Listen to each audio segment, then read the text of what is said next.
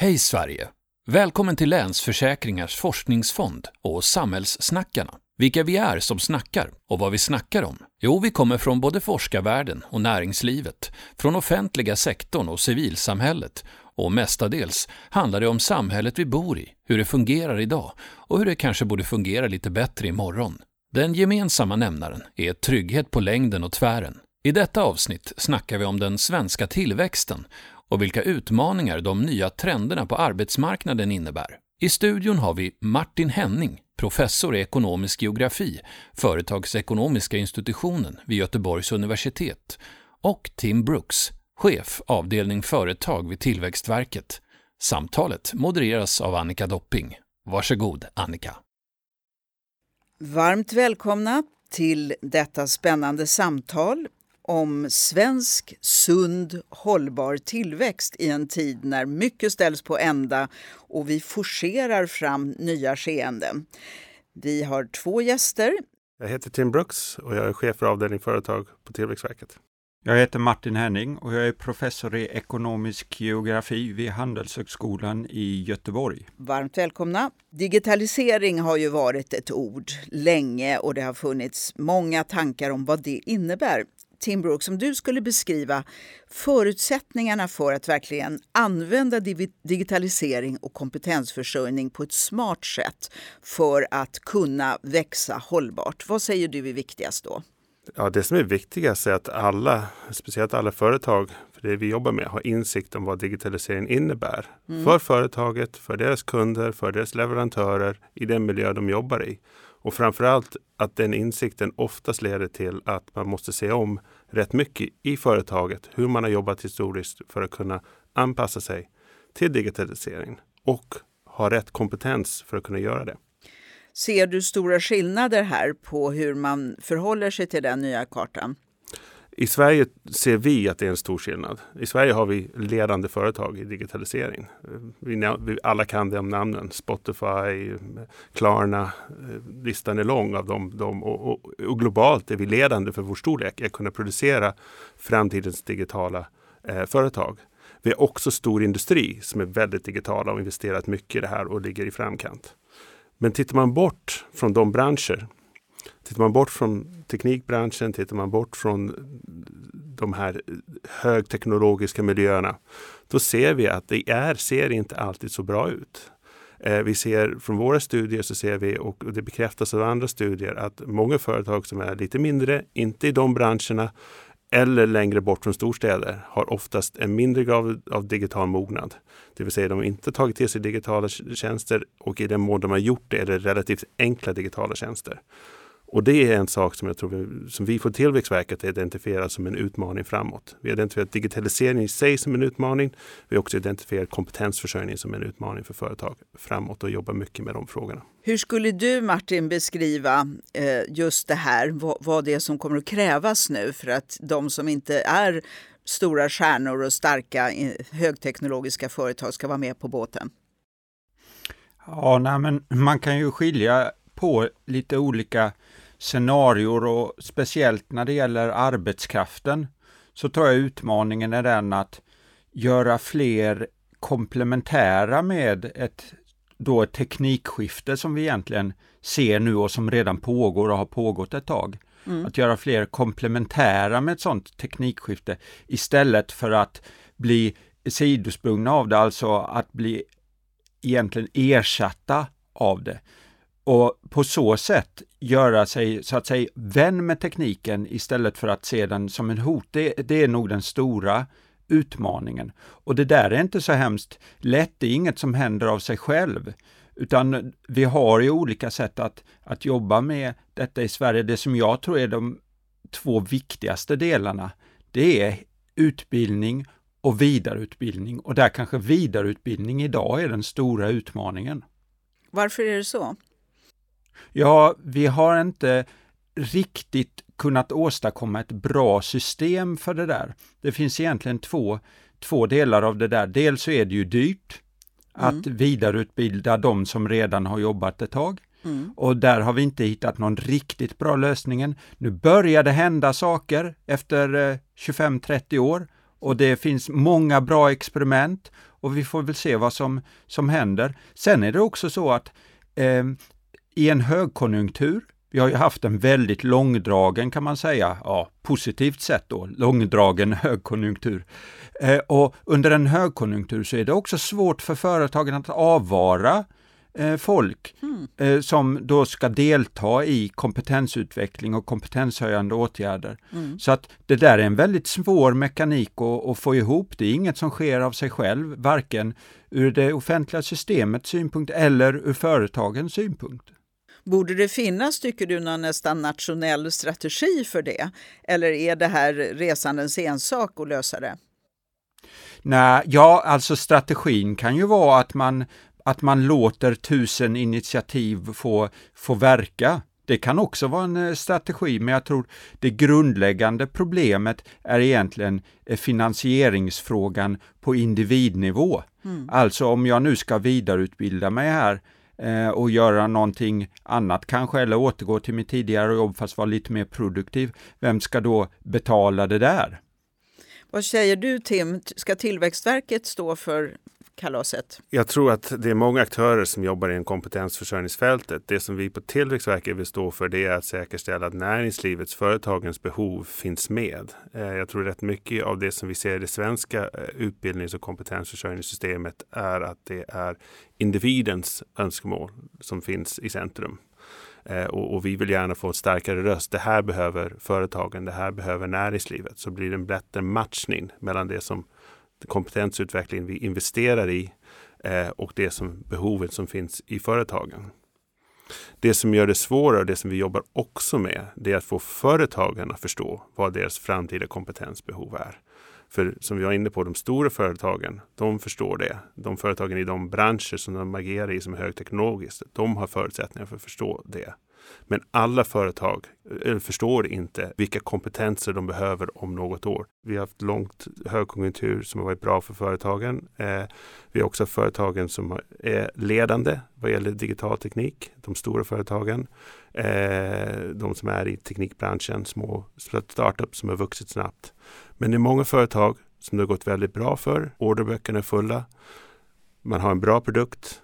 Man har bra produkt för nuet. Man har bra kunder. Man vet var man står. Man har stora utmaningar att hela tiden leverera på nuet.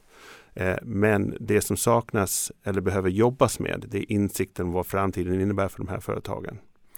Och det är det som vi måste jobba och satsa på. Det är den gruppen företagare som vi måste jobba väldigt mycket med för att få först den insikten men sen också få dem att investera i den framtiden. Där produkten kan vara annorlunda. Där produkten är kanske en tjänst eller produkten är eh, mer individualiserad eller det ställs helt nya krav från deras kunder som själva gör en digitaliseringsresa. Man kan ju säga att pandemin har erbjudit en kniv mot strupen som då kanske har forcerat fram det här på många ställen? I, I, vissa fall, ja absolut, det har det gjort. Vissa företag har, har, har behövt komma in på det. Och jag vill verkligen betona att alla företag jobbar på hårt, men den här, att ta nästa steg in i att förstå vad det innebär i en förändring. Mm. Så det är liksom det vi måste jobba med. Men att man, man då måste kunna förutse vad som händer framåt med den digitala förändringen. För det är så pass förutsägbart att man verkligen kan säga att det här kommer att behövas. Är det så i vår tid? I många branscher är det det och, och är man inte där, jag menar om, om man tar försäljning av musik. Mm. Var sker den nu? Den sker genom Spotify, en miljö som går att se i Stockholm där man byggde upp förutsättningar för att man skulle kunna leverera den typen av tjänst. Och det måste, det kanske inte sker på just det sättet i alla branscher, men man måste förstå det. I industrin kan det vara att sina kunder ställer krav på individualiserade produkter eller vad man kallar just in time leverans, det vill säga att man ska leverera till sin kund precis när de behöver just den produkten. Mm. Det kan innebära behov av en helt annan form av automatisering, digitalisering.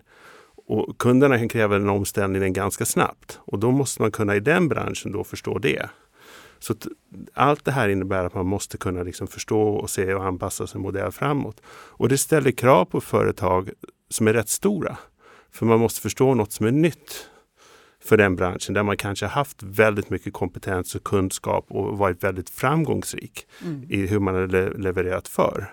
Så måste man förstå det nya och utveckla sin kompetens in i det. Och så det handlar inte bara om att liksom veta vilka kompetenser man ska ha i företag men också anpassa sin affärsmodell, hur man jobbar till den nya digitaliserade automatiserad värld. Och i vissa fall också nya material som kommer in som kan liksom göra, göra att man behöver se över hur, hur man jobbar. Det är ju väldigt komplexa frågor och stora flöden eh, hela vägen. Vad tänker du Martin? Ja, alltså eh, en del är väl att, att möjliggöra och eh, uppmuntra företagen själva att ta hand om det här. För det är klart att varje bransch, varje delbransch har ju sina nischer och sina beslut att ta. Det är ju omöjligt för oss som arbetar med lite mer generella strategier, policy eller, eller forskare att ha insikt i alla de beslut som krävs mm. inom varje, varje delmarknad. Så att möjliggöra för aktörerna att, att ta sina egna beslut, de som känner branscherna bäst, det är ju såklart en, en del av, av, av en, en, en strategi för att eh, ja, göra det möjligt för företagen att uppnå den här nästa steg i, i kompetensuppgraderingen. Men sen, sen tänker jag på några saker. Det, ibland i, i litteraturen så pratar man ju om ett begrepp som jag tycker är ganska bra och det är mottagarkompetens. Mm.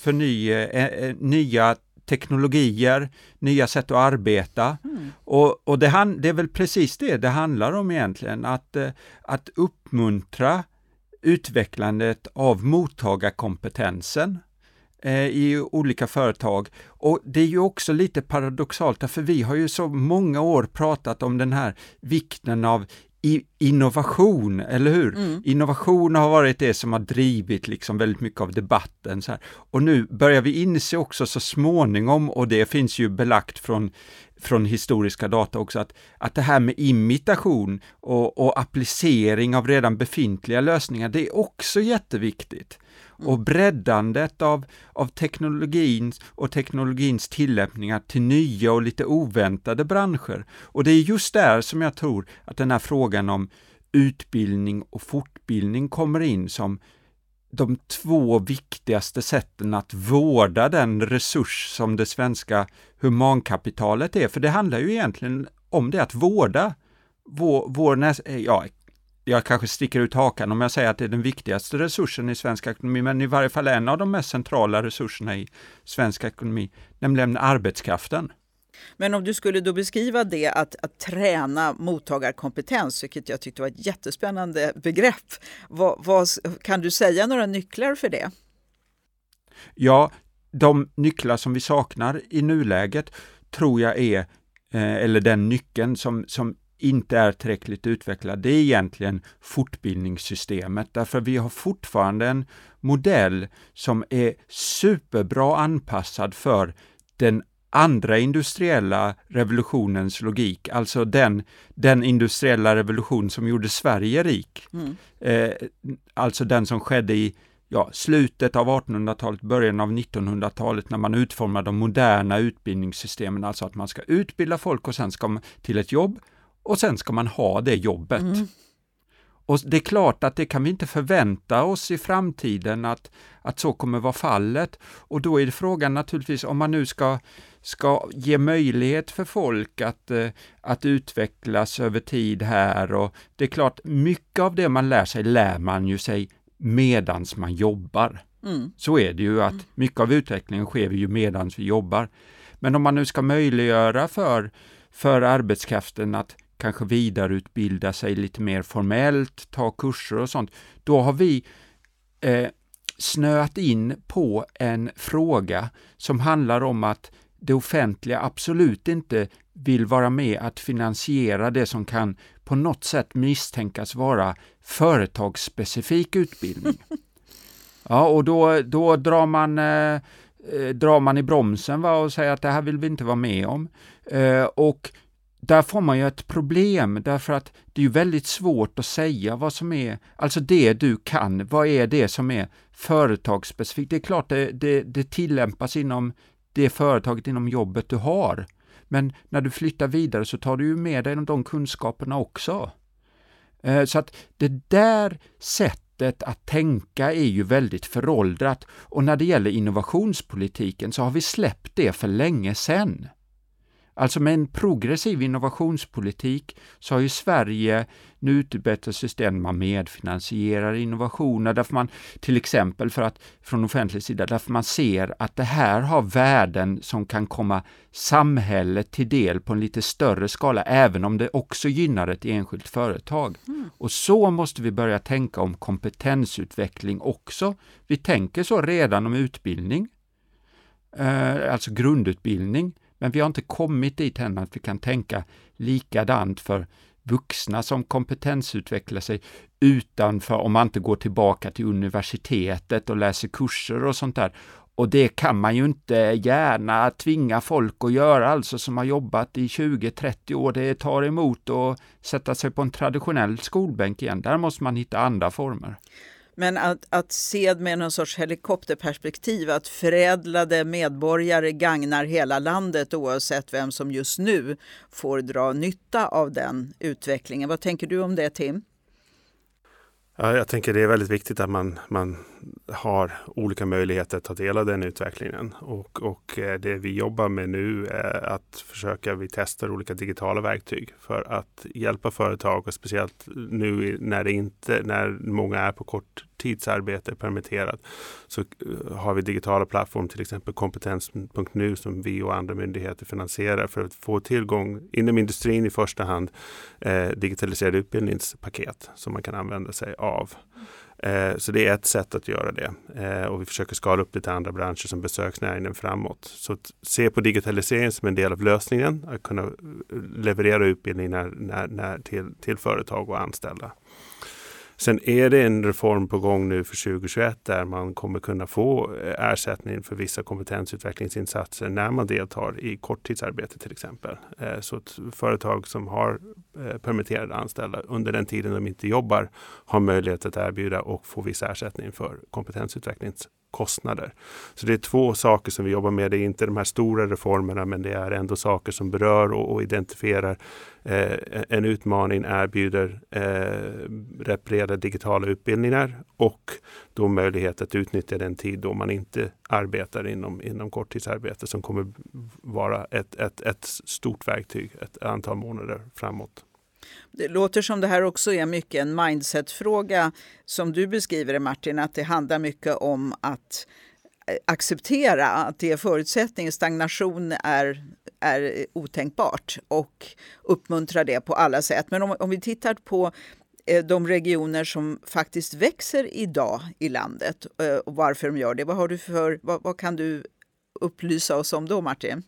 Ja, nej, men det är ju så här att under den svenska modellens glansdagar, mm. då låt oss gå tillbaka till 60, 70-talet någonstans, då då var ju, visst flyttade folk in till städerna och sådär, men tillväxten var ju spridd över hela landet, alltså det, det, det, det växte tidvis så det knakade i alla regioner kan man säga. Mm. Eh, det, det, det där fick sig en knäck egentligen i dels i samband med kriserna i slutet av 70-talet, sen gick vi in i 80-talet, en lite, en lite långsammare tillväxtperiod, sen kom vi fram till 90-talet med 90-talskrisen och 90-talskrisen utgör egentligen ett slags ja, vad ska man säga, paradigmskifte när det gäller den regionala tillväxten. För det är egentligen då som storstäderna och framförallt Stockholm skjuter ifrån, så att säga. Utan det puttrade på lite och när vi, när vi eh, om vi tar oss tillbaka till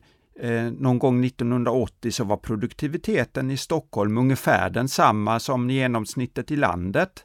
Så att det där var liksom inget speciellt med storstäderna, snarare så hade det ju gått lite risigt för många storstäder i och med den avindustrialiseringen, varven la ner och sådär och det skedde en strukturomvandling. Sen ser vi att att storstäderna och framförallt Stockholm var ju tidigt ute att, att utnyttja de kunna utnyttja de tidiga tillväxtkrafterna i det här teknikskiftet och att man då hade egentligen det som vi pratade om tidigare, alltså mottagarkompetensen för de här nya teknologierna och kunna utveckla nya företag och, naturligtvis också bli en magnet för duktig arbetskraft. Mm.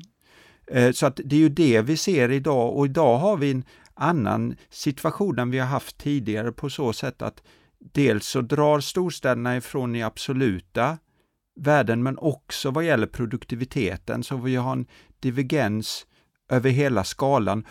Och det är väldigt annorlunda därför att Sverige jämfört med många andra länder hade en väldigt utspridd industrialisering.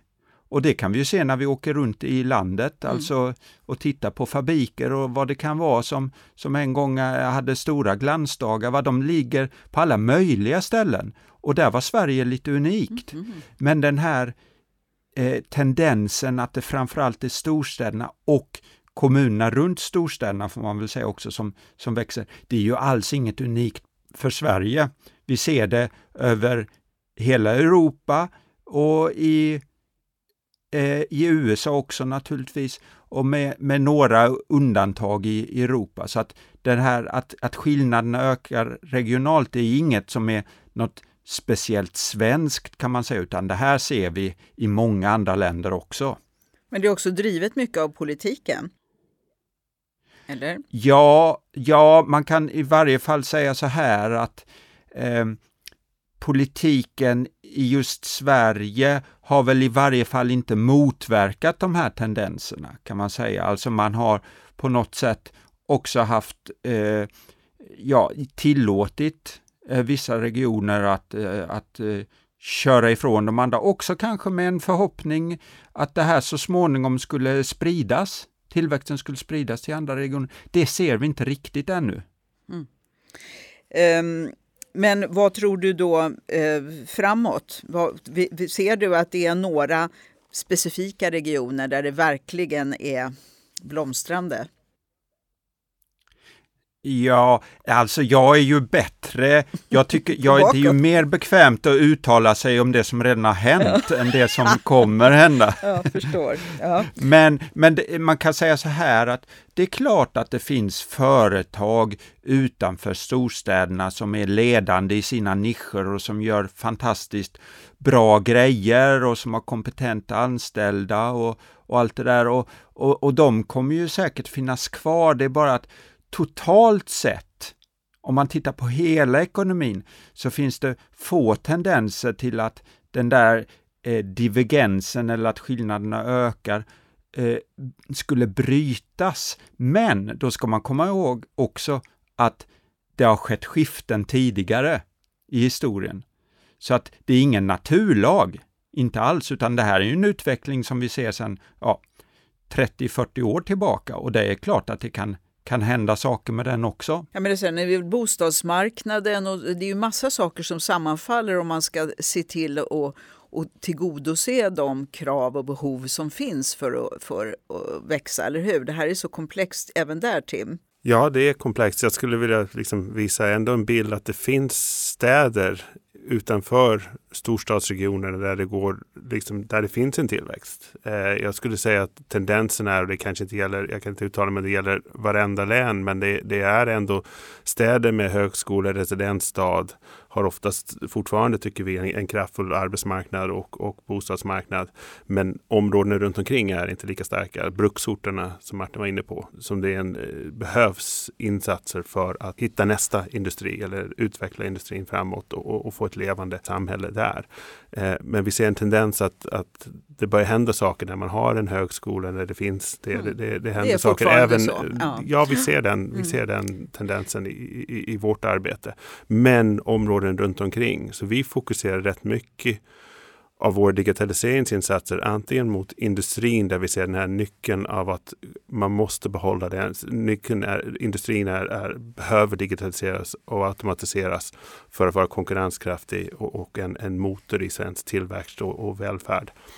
Men vi ser också att just på landsbygden behöver jobba extra hårt i alla branscher för att se till att man tar till sig av digitaliseringsmöjligheter och den kompetensutveckling som behöver ske där. Eh, och, och, identifiera mer och bruksorter och, och generellt på landsbygden. Att det, det, är där vi ser ett behov av att säkerställa att den omvandlingen sker och sker snabbt så man har möjligheter till tillväxt i hela landet. Men är det inte så att, den digi att digitaliseringen som nu har fått en jätteskjuts också har möjliggjort att wow, plötsligt i glesbygden har fått ny attraktionskraft för många, att man kan hantera saker digitalt? Absolut, det, det är så. Det är, men det bygger också på att det finns en infrastruktur i alla delar av, av, av, av landsbygden. Men det är klart. Det, du menar rent fysiskt? Fysiskt infrastrukturen är inte fullt ut utbyggd till, till alla, alla, alla delar av Sverige. Mm. Eh, men har man det då, då finns det ju de möjligheter som man ser nu. Så man skulle kunna bo en del, en större del av sin tid i fritidshus eller på andra ställen och mm. kunna jobba i storstadsmiljö. Det, det ser man. Jag, jag vet inte hur stort stort genomslag det får eller kommer få, för det har man pratat om länge. Men, men nu ser jag åtminstone på, på min arbetsplats så har vi, vi, vi är på nio ställen i Sverige och sen är det medarbetare som sprider ut sig ännu mer nu när, de har, när vi inte är på kontoret. Så när man checkar in så, så har man medarbetare över, över hela Sverige och som jobbar på samma sätt. De förutsättningarna finns. Jag vet inte, jag kan inte uttala mig om det innebär att det blir tillräckligt stor kraft för att, att det ska hända något annat. Det, det blir intressant att, att, se. Men vi ser ju att företag som jobbar eh, i landsbygden längre bort från storstäderna, de behöver investera i digitalisering och se över sin, de har också svårare med kompetensförsörjning, behöver identifiera de kompetenser och göra det attraktivt för att kunna attrahera de kompetenser eh, till, till, till, de, till de områdena så att det finns goda förutsättningar för tillväxt. Men om det då är liksom en hel palett av kompetens som behövs för att kunna driva de här holistiska så att säga, processerna. Du, du, till exempel alla dessa teknikstartups som finns nu, du, de kan vara jättevassa på själva tekniken men då behöver de komplettera eller det komplementära här som eh, Martin pratar om i kanske affärsmodeller och marknad och kund, förstå kunder och så. Och medan andra i andra fall så är man jätteduktig på marknad och, och, och eller kunder men kan, har inte tekniken. Och just det där att synka ihop den. Synka ihop eller ha ett erbjudande eller ett stöd eller insikt eller möjligheter för insikt för att, så, så att man kan utvecklas för, utifrån både förutsättningar. Ja. Så är du en, en, en startup i en forskningsmiljö och har världens starkaste teknikpryl. Mm. Då kanske du behöver kompetens kring finansiering, hur man växer, hur man exporterar, hur man kommer in på nya marknader. Allt det där. Mm. Och det är väldigt viktigt att få in i den. Och, och, det kan utmana någon som har en teknik som är väldigt teknikfokuserade företag med det. Att utmana med att ja, men då måste tekniken kanske anpassas till en marknad eller till en finansiärs behov eller få in finansiärer som har synpunkter på hur man driver företag. Det är en utmaning. Och sen är det den andra utmaningen där du har en, en bra affärsmodell som funkar och du jobbar hårt för det. Men tekniken kommer påverka din modell och då måste du inhämta din kunskap på det för att se hur, hur det används. Och det är den, det är den balansgång, eller de två aspekter man måste kunna hantera för att få full potential för tillväxt. Men Martin, du som då har den historiska överblicken och hur vi har kunnat driva sådana här omvandlingar kan du se framför dig hur vi skulle liksom odla en sån här förmåga till att bli världens bästa eh, mottagarkompetens? Att liksom se till att komplettera de aspekter som behövs för att bli framgångsrika på ett hållbart sätt. Ser du att med, med politisk vilja eller på annat sätt eh, att vi skulle kunna skapa denna drömstruktur eh, för att säkra framtiden? Ja, det, det, ser jag framför mig. Alltså jag tror det, det är ändå så att om man tittar generellt sett så har Sverige rätt så hyfsade förutsättningar att, att hänga med i den, i den utvecklingen. Vi har redan en bra utbildningsnivå. Vi har kompetenta aktörer som jobbar med de här frågorna. Eh, eh, bra ledare inom eh, näringslivet som också vet och ser behoven. Eh, och en vilja att hänga med, därför att det är ju som, som du var inne på tidigare Annika också, att vilja är också en del mm. av en kompetens, alltså vilja att sätta sina kompetenser i bruk. Det är en jätteviktig del av kompetensen och kompetensutvecklingen. Och det där är ju inget som man mekaniskt sett kan liksom frammana hos, hos människor, utan det är ju en, en på något sätt en, en en sak som man kognitivt måste arbeta med att, att få oss alla att vilja hänga med och tycka att det är ja, lönt och, och kanske till och med roligt att, att hänga med. Va? Och det, det är också en jätteviktig del mm. av, av en, en, en, en samhällsstruktur att på något sätt ha den, de institutioner som, som underlättar det här. Mm. Men jag tror ju att väldigt mycket av detta hänger samman med att man kan skapa och Tim var ju inne på redan ett par initiativ och det finns andra, alltså det händer mycket på området nu, att skapa en struktur där man kanske inte behöver gå och sätta sig på skolbänken i formell bemärkelse i en hel termin, utan att man inkrementellt sett kan, alltså med små steg, kan, kan lägga saker och nya kompetenser till sin etablerade kompetensprofil. Och det kan ju vara förhållandevis triviala saker. Alltså om jag ser på mig själv, ja, titta på liksom eh, filmer om hur man utvecklar sig själv inom Excel eller, eller inom programmering. Det kan också vara liksom en del av en kompetensutveckling och det har ju gjort att jag ändå hänger med hyfsat i, inom mitt fält som ju ser väldigt, väldigt annorlunda ut än när jag började som doktorand. Och det var inte så hemskt länge sedan, det var, det var mindre än 20 år sedan. Vad tänker du om det Tim? Jag tänker det som jag varit inne på, viljan är, är jätteviktigt. Jag tror när vi har jobbat, eller jag vet när vi har jobbat med eh, våra stora digitaliseringsinsatser mot framförallt industri men också mot landsbygd. Så har vi jobbat med en modell som först började med att nå ut till företag för att visa vilka erbjudanden vi hade, vilka kompetenser, hur man skulle, vi skulle kunna komma in med olika sätt, stödja företagen för att göra sin digitala omvandling. Mm. Det svåraste delen, det var det som vi kallade insiktsdelen. Mm. Där man skulle gå och försöka få företag med att det här händer, det här måste man förhålla sig till. Och vi hade också diskussioner med våra kollegor i andra europeiska länder och de sa samma sak. Det här fick vi investera rätt mycket i. Och, och, det handlade först så var det enkla saker som att ha tider när företaget kunde delta. Men det räcker inte. Vi var tvungna att eh, liksom, använda storindustrins lokaler. Då blev det en nyfikenhet. Vi fick gå igenom banker. För bankerna är intresserade av företagen kan ha en hållbar tillväxt framåt och de är intresserade av företagen digitalisera. Så om bankerna kunde hjälpa oss marknadsföra de här insatserna. Och då fick vi fram företag. Det krävs rätt mycket. Och det var bara första insatsen som den här insikten. Där det här händer nu i vår omvärld. Det här är digitalisering. Det här kan påverka er bransch på det här sättet. Och när man har gjort den processen, då blir de resten enklare. Men det svåra är att hitta viljan, att skapa den insikten som jag var inne på tidigare. Det är framgångsrika företagare.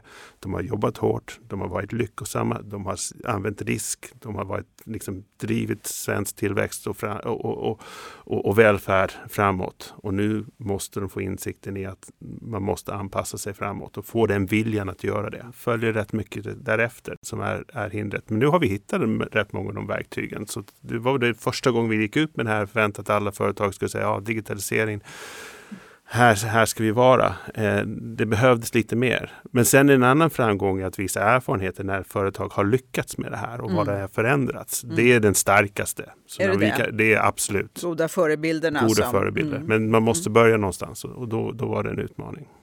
Martin, dina associationer när du hör detta?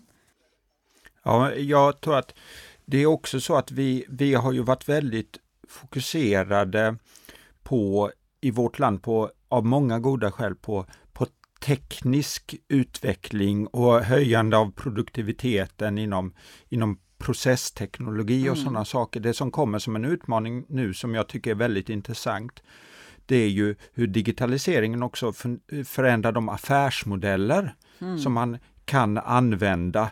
Alltså till exempel om vi tänker på den glidning mot service som sker inom väldigt många av de tillverkningsindustriella bolagen idag, att man på ett helt annat sätt än tidigare kan koppla på olika serviceinbjudanden på sina mer traditionella tillverkningsprodukter. Så att det, hela digitaliseringen ritar ju om kartan för hur vi kan tänka kring de affärsmodeller som man traditionellt sett har har erbjudit. Och där, det är ju också en sån eh, svår sak som har att göra med hur vi ser på vad som är möjligt att göra. Alltså digitalisering kopplar vi väldigt mycket samman med teknologi och teknologisk utveckling. Hur kan vi få produktionsprocessen att fungera bättre? Mm. Men vi ser ju hela tiden hur det här eh, förändrar då erbjudandet så att säga som företagen gör mot en kund och det är ju inte bara de uppenbara exempel som vi, som vi kan se till exempel med internethandel och sådana saker, utan här kan det ju handla om tillverkningsindustriella produkter där man kan eh, bygga in sensorer eh, som, eh, som överför data av olika slag tillbaka till tillverkaren där man då kan göra schemalägga service, erbjuda service på ett helt annat mm. sätt och mycket, mycket effektivare än vad man gjorde tidigare. Så att det här ritar ju också om kartan för hur man kan tjäna pengar som, som, som företag och det tycker jag, det är kanske egentligen den ja, man ska väl inte säga den mest spännande, men en väldigt intressant och utmanande del av den förändringen. Och det kommer in i detta att vi måste ändå se det här och det gör ju många också som, som någonting positivt eh, potentiellt sett. För tänk vad många genom de, de teknologiska framsteg som har skett genom historien, tänk vad många förfärliga jobb som vi har lyckats rationalisera bort mm. på olika sätt och tråkiga jobb och farliga jobb. Eh, och det är så jag tror vi måste, måste tänka på den här utvecklingen. Hur kan vi göra och använda det här för att skapa bättre jobb för människor? För det är det det handlar om ju i det långa loppet. Mm. Mm. Bättre jobb, bättre mm. produkter, bättre, bättre liv för, för människor. Det är egentligen det vi pratar om. De stora frågorna. Och så att skapa värde på hållbara sätt som inte exploaterar och förgiftar och ödelägger under resans gång. Eh, du nickade där Tim också. Nej, men jag håller helt med. Det är affärsmodeller var man kan ta, sälja tjänster istället för produkter eller produkter som blir mer individuella. Och, och, och vad vi också ser framför oss är en, en, en, en trend att tillverkning kan flyttas mer tillbaks till Sverige. Mm. Eh, just på grund av att man vill, man vill kunna titta på andra affärsmodeller och framförallt individualiserade produkter. Där man beställer på nätet en produkt, så då, då måste hela värdekedjan anpassa sig till den individuella produkten. Och, sen, och då är det bättre att ibland att där man kanske tidigare flyttat ut produktion att man tar tillbaks det närmare till forskningen och utvecklingen. Mer automatiserad, mera tjänster och mer individuellt. Och då kanske det blir lönsamt att, att ha mer produktion i Sverige där tidigare värdekedjan var, det inte var rationellt att göra så. Och det finns sådana tendenser som vi ser, ser också och den trenden kan förstärkas eh, framåt också. Och då leder det till att man skapar mer jobb och tillväxt i, i, i Sverige. Och om man tar de stora välfärdsutmaningarna då framåt, där det är inte bilar och traditionella produkter utan faktiskt människor vi ska ta hand om. Vad, vad tänker ni där runt kompetensskiften och behoven och trender på arbetsmarknaden? Martin, vad tänker du? Eh, ja, jag vet att jag är tjatig om detta, men jag tjatar igen om utbildning och fortbildning. Eh, att, att utbilda och fortbilda så många som möjligt, de som vill och de som vill ta chansen och göra möjlighet till det. Och jag tror inte så mycket på de här enkla jobben som vi vill frammana, därför framtidens jobb kommer inte vara enkla. Mm. Eh, jag vet inte var de skulle komma ifrån, de här enkla jobben. Det handlar om att eh, göra det möjligt för människor att, att ta bättre och mer högkvalificerade jobb. Så är det nog, eh, trots allt, även om det finns många andra aspekter av de, än de rent ekonomiska att plädera för de enkla jobben och, och sådana saker. Men framtidsscenariot är nog snarare att vi fortsätter utvecklingen mot jobb som kräver mer eh, av oss humankapitalmässigt eh, sett. I varje fall så är det så att de jobb som kommer vara bra är sådana jobb. Men om vi tänker mantrat vård, skola, omsorg. Eh, vi tänker människoyrken. Vad är det man ska satsa på för kompetensutveckling där om man vill vara framåt? Det kommer ju alltid behövas människor som tar hand om människor. Ja, eh, alltså alla branscher kommer ju vara människoyrken så småningom. Men om vi tar de här traditionella då, välfärdssektorerna. Ja, jag, tror, jag tror att dels är det så att vi måste använda eh, digitaliseringen som ett sätt att försöka få bort fler av de eh, tunga, jobbiga, svåra, till och med farliga jobben. Mm. Eh, vi måste använda komplementariteter. Vi måste använda också det, eh, digitaliseringen och automatiseringen som ett sätt att försöka eh, mildra den arbetskraftsbrist som vi har i vissa av de här sektorerna. Och eh, jag tror även att de jobb idag som kanske inte har så eh, stor, eh, vad ska man säga, användning av digitalisering och automatisering kommer inom de här sektorerna att vara sådana jobb i framtiden. Så även de som idag handlar väldigt mycket om så att säga manuella eh, arbetsuppgifter kommer också ha ett, eh, hö, en hö, ett högre inslag av eh, Eh, digitalisering i sina, sina jobb. Det kommer bli naturligt i, i framtiden och det ger jättestora möjligheter för de här sektorerna. Det är inget hinder eller något som vi ska vara rädda för. Sen finns det ju alltid etiska frågeställningar som kommer med varje teknikskifte och de måste vi Eh, ta hand om och diskutera. Men just för de här sektorerna så tror jag att möjligheterna kommer egentligen bara breddas i framtiden därför att väldigt mycket av utvecklingen vad gäller automatisering och digitalisering händer inom industrin och har hänt ett tag inom, det, eh, inom industrin, inom det konkurrensutsatta näringslivet. Men jag tror att offentlig sektor kommer att se allt mer av, av detta och det kommer bli en, en stor möjlighet. Ser du att hela Sverige kommer att kunna blomma? Att, det, att den här eh, tendensen att, att kanske urbaniseringen och så kan brytas med det här? Eh, man måste nog Eh, se det som så här att med varje stor teknologisk förändring, med varje teknikskifte, så har det också skett geografiska förändringar. Geografin är inte statisk, den är lika lite statisk som teknologiutvecklingen är statisk och näringslivsomvandlingen är statisk. Så att vi kan inte vänta oss en statisk geografi heller framöver. Och jag tror inte vi kommer se något jättestort eh, skifte. Det kommer inte bli så att alla flyttar till Stockholm eh, där, på grund av massa olika skäl, men vi kanske inte kommer se den utspridda tillväxtregim riktigt som vi har sett tidigare. Åtminstone ser vi inga tecken på det eh, just nu. Men det är klart, det kommer ju alltid finnas företag och entreprenörer på andra ställen i Stockholm som klarar att driva företag och dra nytta av de sakerna som de resurserna som finns i olika eh, regioner. Men, men generellt sett är det väl ganska lite som talar för just nu att den här trenden som vi har eh, kommer brytas. Det, det, det, tror jag i varje fall, om vi tittar på empirin så ser vi inga sådana såna tecken. Kanske kommer vi kunna arbeta lite mer distanserat, men jag tror att om vi tittar på eh, coronaeffekterna, är väl den största upptäckten för många av oss hur otroligt mycket vi längtar tillbaka till våra kontor och våra arbetskamrater. Vad, vad, tänker du Tim där med välfärden och vad vi tar vägen med den, att säkra det? Jag tror det finns, välfärden är väldigt eh, centralt för Sverige och en del av det är att man har ett välfungerande näringsliv som kan leverera eh, liksom, till välfärden. Mm. Eh, och, och, och, då är det viktigt med det jag var inne på tidigare att, att näringslivet klarar av den omvandlingen. Och där finns det många företag som, som ligger i framkant, framkant globalt men det finns också företag som, som behöver investera i det.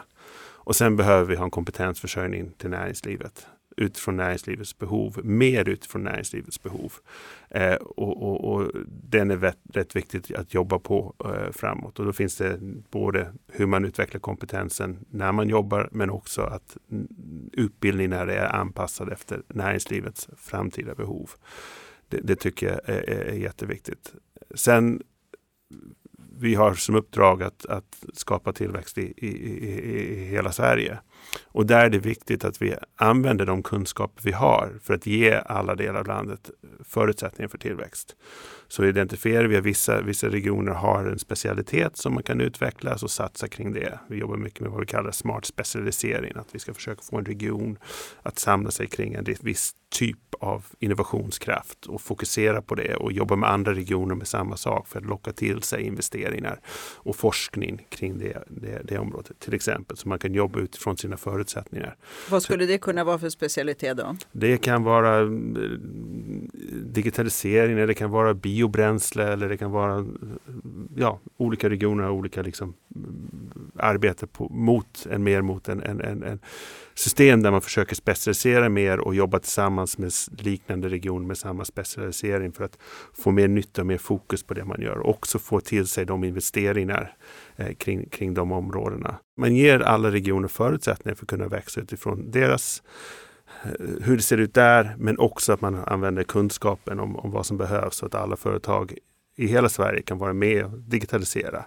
Kan veta vilka kompetenser de behöver i framtiden. Att kompetensutvecklingssystemen i Sverige kan leverera rätt kompetenser till dem. Och det är ju såklart utmaningar i olika delar av landet. Jag säger inte det, men vi måste jobba för att ge alla regioner och alla delar av landet möjlighet att kunna ta till av, av tillväxten. Och ni på Tillväxtverket lär er hela tiden låter det som. Vi jobbar hela tiden, vi, vi, vårt, egen, vårt, kompetensförsörjning. egen kompetensförsörjning, men vi jobbar med kompetensen både utifrån det regionala perspektivet, ha, ha kunskapen om vad de individuella regionerna har för och, och jobba tillsammans med regioner kring det. Vi jobbar med att säkerställa, vi jobbar rätt mycket med andra myndigheter, att deras kompetenser finns tillgängliga till regionen. Så vi jobbar väldigt nära med Vinnova, Energimyndigheten, Naturvårdsverket för att säkerställa att alla deras kompetenser kommer ut till regionen. Så det, det är så vi jobbar så att man kan använda sig av, av, av den samlade bilden så regionerna har förutsättningar för att kunna, kunna växa. Då hoppas vi att ni alla som har lyssnat har fått något matnyttigt som ni kan omsätta till er egen personliga växt och bidra till en blomstrande framtid. Tack så mycket både Tim Brooks och Martin Henning.